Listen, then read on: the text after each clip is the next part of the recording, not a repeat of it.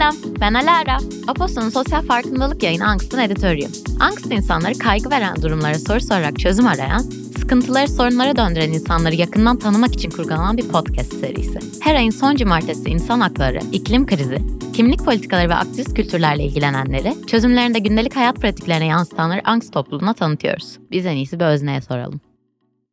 İşte böyle başlıyoruz. İşine olan ciddiyetinden aşırı etkilendim. Değil mi? Ki işi de değil ayrıca. Kimde? Aa evet o ayrıntı şey. Hmm, Böyle şey böyle doğal konuşmalı girince şey oluyorum. Ben artık bir profesyonelim. Ben artık yapabiliyorum bu işi tamam mı? Mikrofon beni germiyor. Evet, ben, ben direkt girebiliyorum muhabbete. Karşımda arkadaşım var, konuğum yok. Ayakları. Özge hoş geldin. Yanlış şey. Özge. Tamam tamam düzgün başlayalım. Özge hoş geldin. Hoş bulduk Alara'cığım. Nasılsın? Çok iyiyim. Harika bir gün oluyor. Sen nasılsın? Ben de iyiyim. Özge buradan önce şu an 41. İstanbul Film Festivali var. İleride torunlarıma dinletirken hatırlayayım diye şey Küçük bir yapıyorum. arşiv özelliği görsün Tabii. evet. Onuz Galata'dayız. Özge karşımda ve çok güzel bir makyajı var. Ee, fotoğrafla göreceğiniz üzere ama ben yine de söyleyeyim. Yeşil eyeliner çizikleri var üstünde. Doğru mu betimliyorum Evet efendim? çok iyi betimledim. Faça attım eyelinerla kendime. Bu yaşandı ve ben görünce dedim oy evet çok güzel. Ondan sonra şey şakası yaptım sürekli. İşte benden daha komik birinin gelmesi sinirimi bozuyor. Bu şakayı yapacağımı da ifade ettim. Benim de komedi anlayışım bu. Ama Özge geldiği için mutluyum. Şey çünkü seninle konuşmak istiyorum yani. Özge ile ne zamandır buluşmak istiyordum. Bir türlü getiremedik denk. Nurdi yüzünden kıskandı. Çünkü Nurdi Evet. bizim çok iyi anlaşacağımızı tahmin etti. O yüzden ama şimdi artık gevelemeden konuya giriyorum. Gir Alara. Diyorum ki Özge kimdir? Neler yapar? En sevdiğim soru. Özge sen En kimsin? sevdim. Özge'yi biraz tanımlayabilir misin? Özge'yi biraz tanıyalım. Valla ben 34 yaşındayım. Kendimi tanımlamam gerekirse de bir sürü şey var aslında gittiğim okullardan bilmem nelerden falan ama genel olarak yolunu birazcık geç bulmuş bir insanım diyebiliriz. Reklamcılık okudum 4 sene ben. Reklamcılık okurken reklamcılık yapmayacağımı fark ettim. Sonra tiyatroya yöneldim. Tiyatro yüksek lisansı yaptım onun üstüne. Oha Ee, nasıl girdin diye sonra soracağım bunu evet. Ondan sonra bu vesileyle de bir sürü işte Erasmus'lar yapıldı. Bazı yerlere tiyatrolara girildi çıkıldı, işler öğrenildi falan. Oyunculuk sektörünün tokadı yenildi. İğrenç mimikler verilerek türlü mobilya ve halı reklamlarına girildi. Lanet olsun YouTube'a denildi. yazıp bulun. Aynen öyle. Hiçbirini alamadım zaten bulamazlar. Yeterli sebep zaten. Keşke şu an mimik yansıtabilsem suratıma ekşittim. Evet. Ondan sonra da zaten yazmaya falan da meraklıydım. Derken derken olaylar beni stand-up sahnesine doğru ensemden tuttu bıraktı gibi bir şey oldu yani. Komedyenim Özge Özel 34 yaşında. Çok iyi. Harika. Burcu ne? Oğlak. Benim yükselenim oğlak. Bak çekiyor enerji oradan. Bunu sorasım geldi bir anda. Çok Normal seviyorum Burcu'm, çok seviyorum. Sormuyorum. Evet, peki Özge'yi angst edenler ne? Küçük küçük tatlı tatlı bir sürü angstım var öncelikle. Senelerdir cebimde taşıdığım. Ee, ama büyük resme bakınca şeyi fark ettim. En büyük angstım angst edecek olmanın hiç bitmeyecek oluşu. Of hayır bunu söyleme çok doğru. Evet. Ben bu katmanda çok kulupa alıyorum kendimi ve gidiyor kafa gidiyor. Yani bunu böyle düşünmeye başladığım zaman bay bay. İki gün migren ağrısı gibi böyle boşluklara oturup bunu falan düşündüm oluyor yani. Yani ama bunu tabii ki aşmaya çalışıyorum. Çünkü o kontrol edebileceğim bir şey değil. Onun dışında bu ara son bir, bir buçuk senemin angstı da şey üzerine. Hayır demek, hayır dediğin için suçlu hissetmek, hayır derken karşı tarafı kırmamaya çalışmak, sınır çekmek ama falan falan böyle e, şu an en çok onun angstını yaşıyorum. Peki Ona çalışıyorum. İş hayatında mı yoksa kişisel ilişkilerinde mi yoksa ikisinde de? Genel yani hani birisine hayır diyememek deyince aklımıza şey geliyor ya hani nezaketen kırılması hani o da değil aslında. Hani böyle çok içsel kendine uzaklaştığın bir an var. Böyle birisi hani bir şey istiyor senden ya da bir yere davet ediyor. Sen de hiç gitmek istemiyorsun. Ben bunu hiç yönetemiyorum. Bu Hep kadar basit bir şey işte ve e, hayır yani hayır gelmek istemiyorum cümlesini nazikçe söylemenin yolunu bir kere zaten arıyorum bir. Nazikçe söylediğimde karşı tarafın da çoğunlukla bunu anlamadığını ve hani neden gelmediğimi sorması, ona açıklama yapmak zorunda kalmak, onu ikna etmek. Hani onun da benim gelmememi Ay bende de var bu. Ve ben şey yapıyorum. İki yolum var. Ya belkili konuşuyorum. Tamam yaparız diye. Son iki gün kalana kadar. Ve mesela o yazmadan diyorum ki kendime. O yazmadan yaz ki. Hani bahane gibi durmasın. Kendime böyle trikler koyuyorum. Onu kaçırdım mı zaten kaçıyor. Çünkü iyice ben angst ediyorum kendimi bu konuda. Ya da böyle ya şu çıktı. Hani ne bahane. Hani gelmek istemiyorum bir seçenek değil. Hani bir bahane var. Bir nedeni var o yüzden geldi. E çünkü gelmek istemiyorum hiçbir zaman kabul görmüyor karşı taraftan. Evet doğru. Buna isyandayım açıkçası. Hakikaten yok öyle bir gerçekliği. Yani gerçekten bugün gelmek istemiyorum. Seni görmek istemiyorum. Hani şunu yapmak bile canımı sıkıyor. Bugün çok iyi hissetmiyorum ya. Bugün biraz Hmm. tek başıma kalsam iyi olur. Yok o kadar mesela düşük de değilim. Gerçekten içimden gelmedi. Ya bir de açıklamak zorunda mıyım yani? Zorunda mıyım? Evet Zorunda değilim. mıyım bunu? Asla Dadanizm. değilim. Ama işte insanımız açıklama bekliyor. Doğru.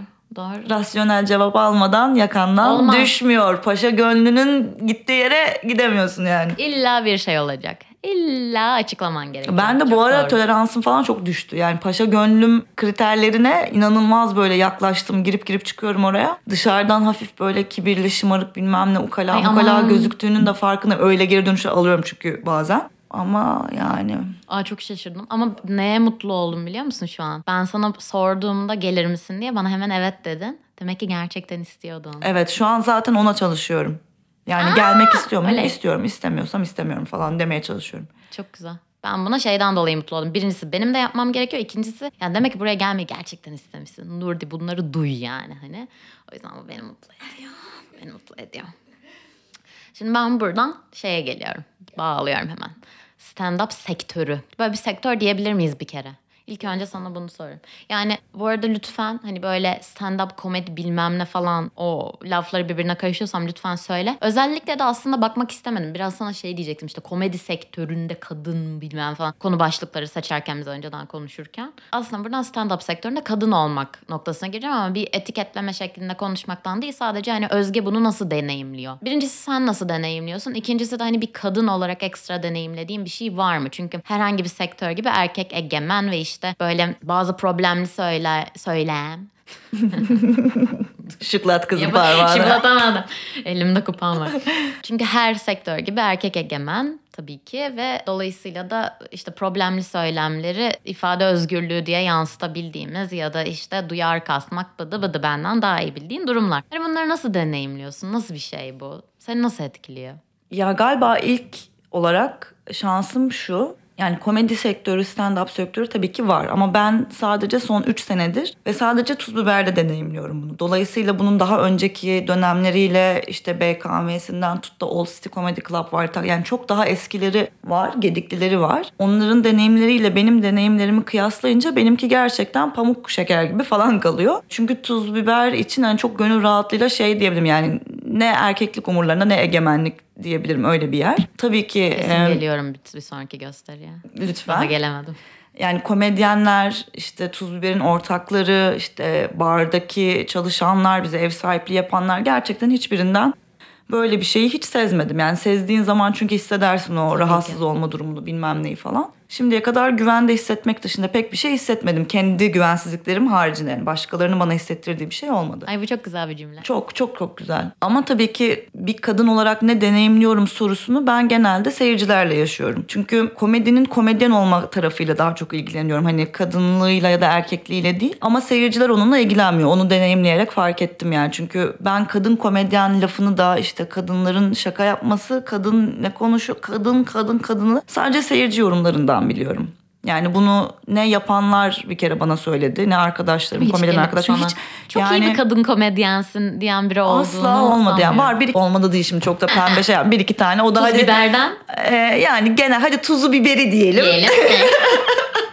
O kadar da olur. Türkiye'de yaşıyoruz. Nazar boncuğu. E, nazar boncuğudur falandır filandır diye. Ama deneyimlediğim şeyler stand-up özelinde değil. Genelde işte eğer internette bir şey koyuyorsam onların altındaki yorumlar üzerinden fark ediyorum. Ben de hatırlıyorum kadın olduğumu. Yani bu arada şu an çok mutluyum çünkü tam konuyu bağlayacak bir cümleye geldi bu. Sanki iyi bir DJ'mişim gibi olacak şu an. Şimdi Özgen'e soracağım biliyor musun? Yani bu Ay çok mantıklı ya. Bu arada tahmin etmiştim böyle bir şey diyeceğini. Şöyle bir şey yani günün sonunda sen içerik üreticisi noktasına değil ama sen üretimlerini sosyal medyaya yansıtıyorsun. Ve bu hani kariyerinin bir kısmı olarak ki mesela benim için de öyle. Hani Ve biraz bunun sıkıntısını çekiyorum. Angst ediyor bu aralar beni. Kendimi sıkıştırdığımı hissediyorum çünkü öyle bir alana. Ki sosyal medyayı da seviyorum bu arada. Biraz daha kendimden bahsedeyim. Ondan sonra işte seni güldürdüm. Yani peki bu üretimlerini koyarken yani sosyal medyadan geliyor tabii bu tepkiler. Örneğini verdin zaten ama aynı zamanda da iki uçlu bir soru sorayım aslında şöyle. Şimdi birincisi sosyal medyada ulaşabileceğin bir sürü insan var. Tabii. Ve kendi bubble'ından çıktığın diyeyim. O minik kendi bildiğin network bubble'ı. Oradan çıktığı zaman çok garip insanlara gidebiliyor bu. Ve günün sonunda da bir tahakkümle yani buna bu arada hükümet demediğime inanamıyorum. Bir devlet tahakkümüyle karşılaştırılıyor. Emre Günsal'ın başına gelenden Tabii ki. bahsediyorum tabii ki. Bu arada daha da komik bir şey söyleyeyim. Zeynep de benim okuldan arkadaşım. Ablası. Ablası. Evet. Olayı oradan biliyorum ben ilk önce öğreniyorum. Ondan sonra yani hani birincisi ilk önce bu soruyu soracağım. Yani bu sosyal medyada paylaşırken bu sana tedirginlik veriyor mu? Bunu nasıl yönetiyorsun? İlk sorun bu. Sen cevap ver sonra devamını geleceğim. Ben bunu yönetmiyordum linçler olana kadar açıkçası. Zaten ilk linçler olduğunda ben stand-up'a başlayalı 6-7 ay olmuştu. O zamanki stand-up videosunu da YouTube'a koymak istediklerinde ben e, yayınlanmasını istememiştim çünkü saçlarım yağlıydı. Bu Budur. kadar. İnce telli değil mi saçın Evet. senin de benim de. Yani saçlarımın daha iyi durduğu bir zamanı kolladığım için linç edilmedim gibi bir şey oldu aslında birazcık. Ama tabii ki Emre'nin de Pınar'ın da olayından sonra hepimiz yani hepimiz o videolar hani bazı videolar kaldırıldı bazıları durdu bilmem ne falan filan. Böyle şeyler oldu. Ben çok fazla koymuyorum. Koymamamın bir sebebi video formatına, YouTube formatına çok uygun bir anlatıcılık yapmamam. Yani şakaların uzunluğu çok belirliyor ya bunu yani. Ben daha çok böyle kısa hikayeler anlatıyor gibiyim. Onların arasında şaka yapıyorum ve dolayısıyla tek başına bir dakikaya, üç dakikaya sığacak çok fazla şakam yok. Bir tarafı o. Teknik olarak zaten çok uygun değil. İkincisi yapa yapa öğrendiğim şey şu. Sahnede seyirciyle birlikte yakalanan vibe'la evde açılıp izlenen videodaki vibe arasında dünya kadar fark var. Tabii ki sırf bunun için koymaktan imtina ediyorum diyemem. Bir şekilde oralara da bir şeyler koymak stand-up kesitlerinden hoşuma gidiyor. Çünkü günün sonunda bir sürü saçma sapan yere gittiği kadar az da olsa çok gitmesini istediğim yerlere de gidiyor. Yani stand-up'a gelemeyen, geç saatte evden çıkamayan kadınlar, öğrenciler, insanlar yani her şeyi düşünebilirsin. Yani böyle 10 tane falan yorum geliyorsa bir tanesi de şey deyince çok ya ben de böyle düşünüyordum. Birinin daha böyle düşünmesi beni çok rahatlattı cümlesiyle bayağı böyle Hepsi kafama değer. aynen öyle değer be kardeşim. Yapıyor bunun için yapıyoruz ve bu işi falan gibi bir şey sonra oldu. ben yani. atacağım o yorumları. Devam. Özgem falan. Ya hiç şunu etkilemiş midir bilmiyorum açıkçası. Böyle seneler önce bir iltifat almıştım bir arkadaşımdan. Şey demişler bu dünyada daha az yalnız hissetmemi sağlıyorsun demişti. Ya bu çok Bu hayatımda güzel. duyduğum en güzel cümle falan herhalde. Yani şu an geliyor tabii ki yani bu işi yapmamı etkiledi mi bilmiyorum. Belki deep down etkilemiş olabilir. Ee, ama çok seviyorum bağ kurmayı insanlarla. Yani günün sonunda bir temsiliyet de yarattığımı düşünüyorum. Bütün komedyenlerin bunu Kesinlikle. yarattığını düşünüyorum. Seni bu yüzden buraya çağırdım. Teşekkürler. Bunu. Haberin olsa. Hadi ben onayı vereyim. O yüzden birazcık bedel öde ödedik bedel. Ödedik. ben bir bedel ödemedim bu arada. Ben sadece kötü yorum alıyorum daha başıma henüz bir şey gelmedi. Ya, bence onu yönetmek de zor bir şey. Bir de iltifatınla ilgili bir şey anlatacağım. O cümle bence çok romantik çünkü ben bunu erkek arkadaşıma söylemiştim. Şey işte tam böyle içeri gidiyorum dedim ki bu arada bir şey söyleyeceğim. Sen varsın diye artık bu dünyaya ait hissediyorum dedim. Oo. Öyle ilk ayımız falan. Bartu bana böyle yaptı. Ya hadi oradan ya ben böyleyim. bu bir distir yani. Yuh be. Hani böyle tepki vermeyin kesitidir bu kamu. Bununla çok empati kurabildiğimi düşünüyorum. Minicik bir yorum geldiği an ki ben işte ilk internette bu sosyal medyaya varan varlığıma ilk internete hikaye yazarak başladım ve minicik bir o işte bana çok iyi geliyor bu geceleri bilmem ne okuyorum yorumu her şeye değer oluyor. Bunu anlamak istediğimi söylediğim için söylemek istediğim Helal bir e, olsun anekdottu. Kendimden bahsediyorum bugün. Buradan nereye bağlayacaktım? Bak kendime daldım konuyu unuttum. Olay Özge bugün. Ya senin bir sürü üretimin var dolayısıyla ve Tuz Biber'de yaptıklarını biliyorum. Ondan sonra Podbe'de yaptığın podcast'i biliyorum ve Şendullar var. Ben ilk Şendulları görmüştüm bu arada. Yani böyle aralarındaki fark yani Şendullar sanırım bağımsız olan değil mi? Diğer ikisinde bir Şendullara Aslı ile birlikte tek başımıza başladık. Ondan sonra Podfresh'e geçtik. Onun altında yapmaya devam ettik. Pandemi bittikten sonra kendi hayatlarımıza dönünce o da sekteye uğradı ve durdu artık falan gibi bir şey oldu. Daha sonra da Kayıp Eşya Bürosu için Podbi ile anlaştık. Onlara özel öyle bir içerik çıkardık ve devam ediyoruz düşe kalka devam ediyoruz diyeyim. Peki şeyi soracağım. Burada yani yine bir, bir kuruma bağlı olmak acaba bir tahakküm alanı yaratıyor mudur söylediklerine diye merak ediyorum. Yani söz konusu benim yaptığım şeyleri düşününce çok kuruma bağlı hissettirmiyor açıkçası. Ne yani tuz biber de hissettirmiyor. Podbi zaten hissettirmiyor. Burada ikisinin de ortak noktası üreten kişiye de ürettiklerine de çok saygı duymaları ve desteklemeleri manevi olarak da. Çünkü bu birazcık karanlık noktaları olan bir iş. Yani ben kendi açımdan baktığım zaman benim açımdan çok fazla kendimden şüphe ettiğim, beğenmediğim, beklentilerimin kendimden yüksek olduğu bir dönem yaşıyorum zaten. Ve hep de öyleydi aslında. Törpülemeye çalışıyorum ama eski alışkanlıklar arkadan bıdı bıdı ediyor bilmem ne falan. Angst edenler. Yes. Good old friends. Dolayısıyla onları törpülerken çok yardımcı oluyorlar. O yüzden üstlerimde bir tahakkümleri olduğunu söylemem çok haksızlık olur. Tam tersi ben düştüğümde e, kaldırdıklarını hissediyorum. Çok O tatlı. o çok- Gülerek bakıyorum Evet. şu an Özge'ye. Çok tatlı ya of ben şimdi... Annemin duaları kabul oldu hala. Evet. Allah hep seni iyi insanlarla karşılaştırsın dedi ve karşılaştırdı Ve ya. oldu bu yaşandı. Evet. Ay şey buradan kötü bir şey söyleseydin güzel yerlere bağlayacaktım. şaka şaka bir şey.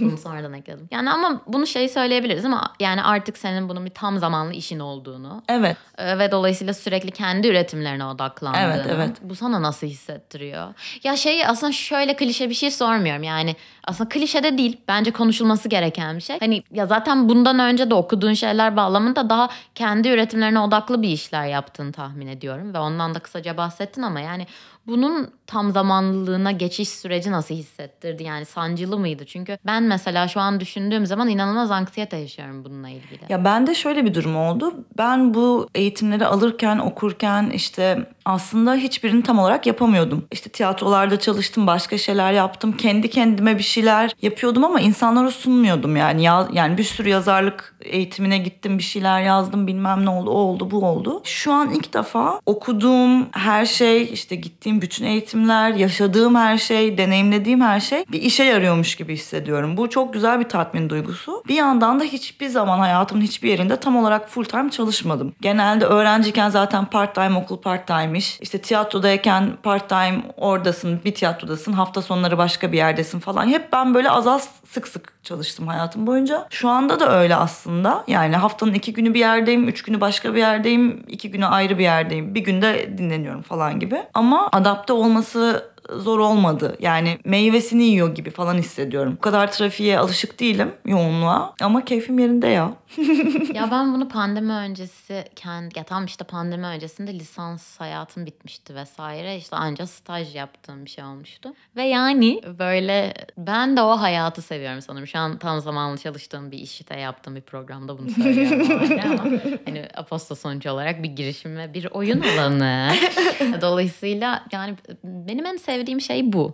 Sadece o konvansiyonel hayat tipinin anlatılması sürekli beni korkutuyor ve sinirime dokunuyor. Yani çünkü ne kadar bu konuda ayrıcalıklı bir yerden işte daha açık fikirli anne babalar, ebeveynler ya da seni yetiştirenler olsa da hani günün sonunda o altın bilezik şeyini çok içselleştirmiş oluyor ya insan. Tabii ki Böyle- çevre de bunu zaten motive eden bir Sürekli. çoğunluğa tabi oluyorsun yani sürekli. Ya ben kendimle ilgili soracağım sana. Tabii ki de. Benim en sevdiğim filmlerden biri Keşke 30 olsam. Aa, Ve 34 olduğunu bilmiyordum. Yani 30'larında olduğunu biliyordum. Bu çok hoşuma giden bir şey. Çünkü bence 30'lar dünyanın en havalı yaş aralığı. Ve 30'larımda acayip havalı biri olacağım. Göreceksin söz. Şu an 25'im. 5 sene sonra bunu konuşuruz. Ve işte ve bir de ben numeroloji çok seviyorum. Ve ikisinin iki rakamı birbiriyle topluyorum. Tamam mesela 34 3 ile 4'ü topladığında 7 yapıyor. Ve bence en güzel yaşım 34 olacak. Ve o dediğim gibi 30'larında olduğunu biliyordum ama 34 olduğunu bilmiyordum. o yüzden sana şeyi soracağım. 30'ların ve 20'lerini karşılaştırdığın zaman seni angst edenler bağlamında e, Alara'ya ne önerirdin?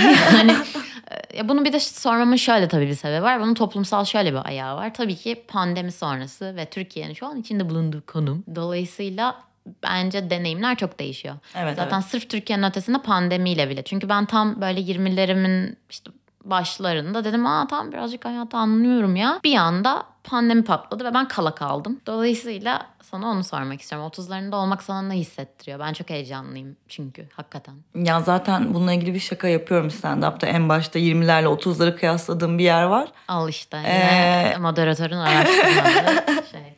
İzlemediğin için sordun Alar'cığım. Olsun cevap verelim. Sana da bir iyiliğimiz dokunsun. Doğal olayım diye yapıyorum ya. Vallahi.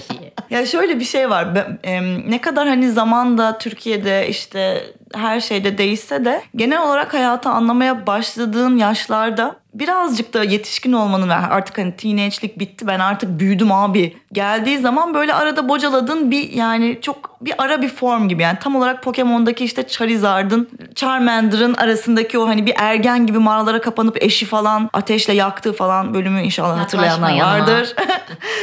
Ee, tam olarak öyle bir şey gibi hatırlıyorum. It's you and me.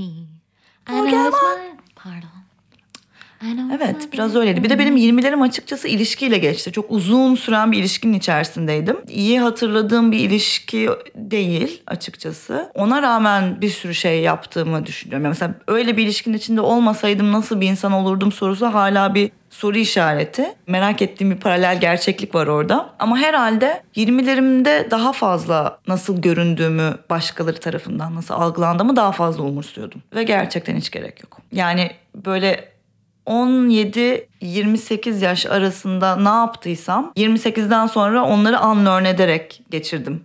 Şu ana Aptal kadar gelen. Geliyorum demek ki o zamana. Bu kadar katılıyorum ki bilsen Özge. Kız Özge bir bilsen. Bu süreçte yanımda olan, senelerce yanımda olan terapistime de buradan kocaman bir selam, Selam. gönderiyorum. Ve ona bir teşekkür olsun.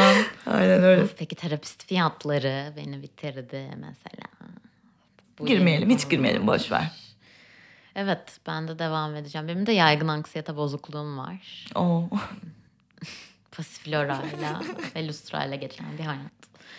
Geçmiş olsun arkadaşım. Teşekkür ederim. Bana arkadaşım dedi. Artık yakınız. Peki o zaman Özge. Yes. ilk önce sana son soruma geçmeden önce sana şey demek istiyorum. Yani Allah kahretsin Alara bunu nasıl sormazsın? Buna nasıl girmedik dediğin bir şey var mı? Eklemek istediğin. Hayır canım ne münasebet. Ne münasebet. Estağfurullah ben podcast hostuna kendimi teslim etmişim. Buraya kadar gelmişim. kendimi bırakmışım burada. Aynen öyle. Var mı bir şey? Yok, Eklemek gerçekten istediğin bir şey yok. var mı? Bakıyorum. Hayır hepsini sormuşsun. Sormuşum. Devlet de hakkümü dememişsin onu demek Dedim dedim. Hatta orada... Kurum dedin. Ben ha devlet Bak bak orada ne dedim bak tekrarlayayım çünkü ben orada şey oldum. Hükümet demediğime inanamıyorum dedim. Var ya nasıl de- kendi şey dedim ne kadar zeki bir kızsın sen ya yaptığım bir şey. O zaman son soruma geliyorum. Buyurun efendim. Diyorum ki Özge sen neye hakkın var diyorsun. Öncelikle her şeye.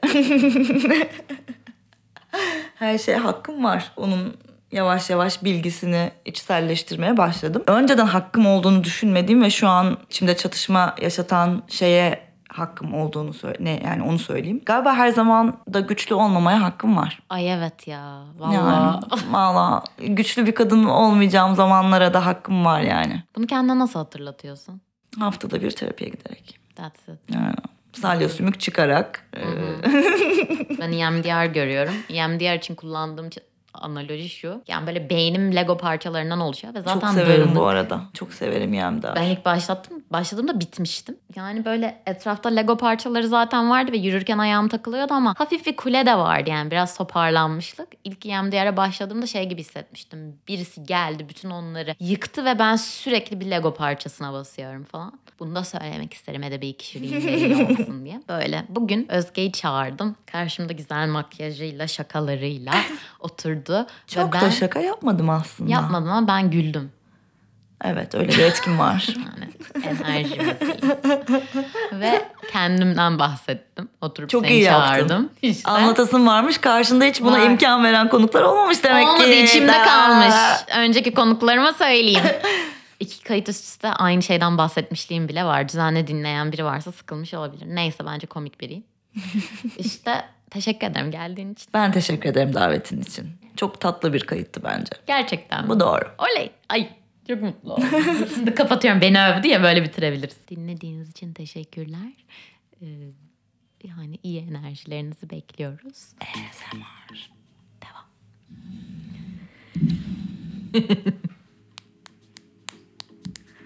Bu hafta postodaydık.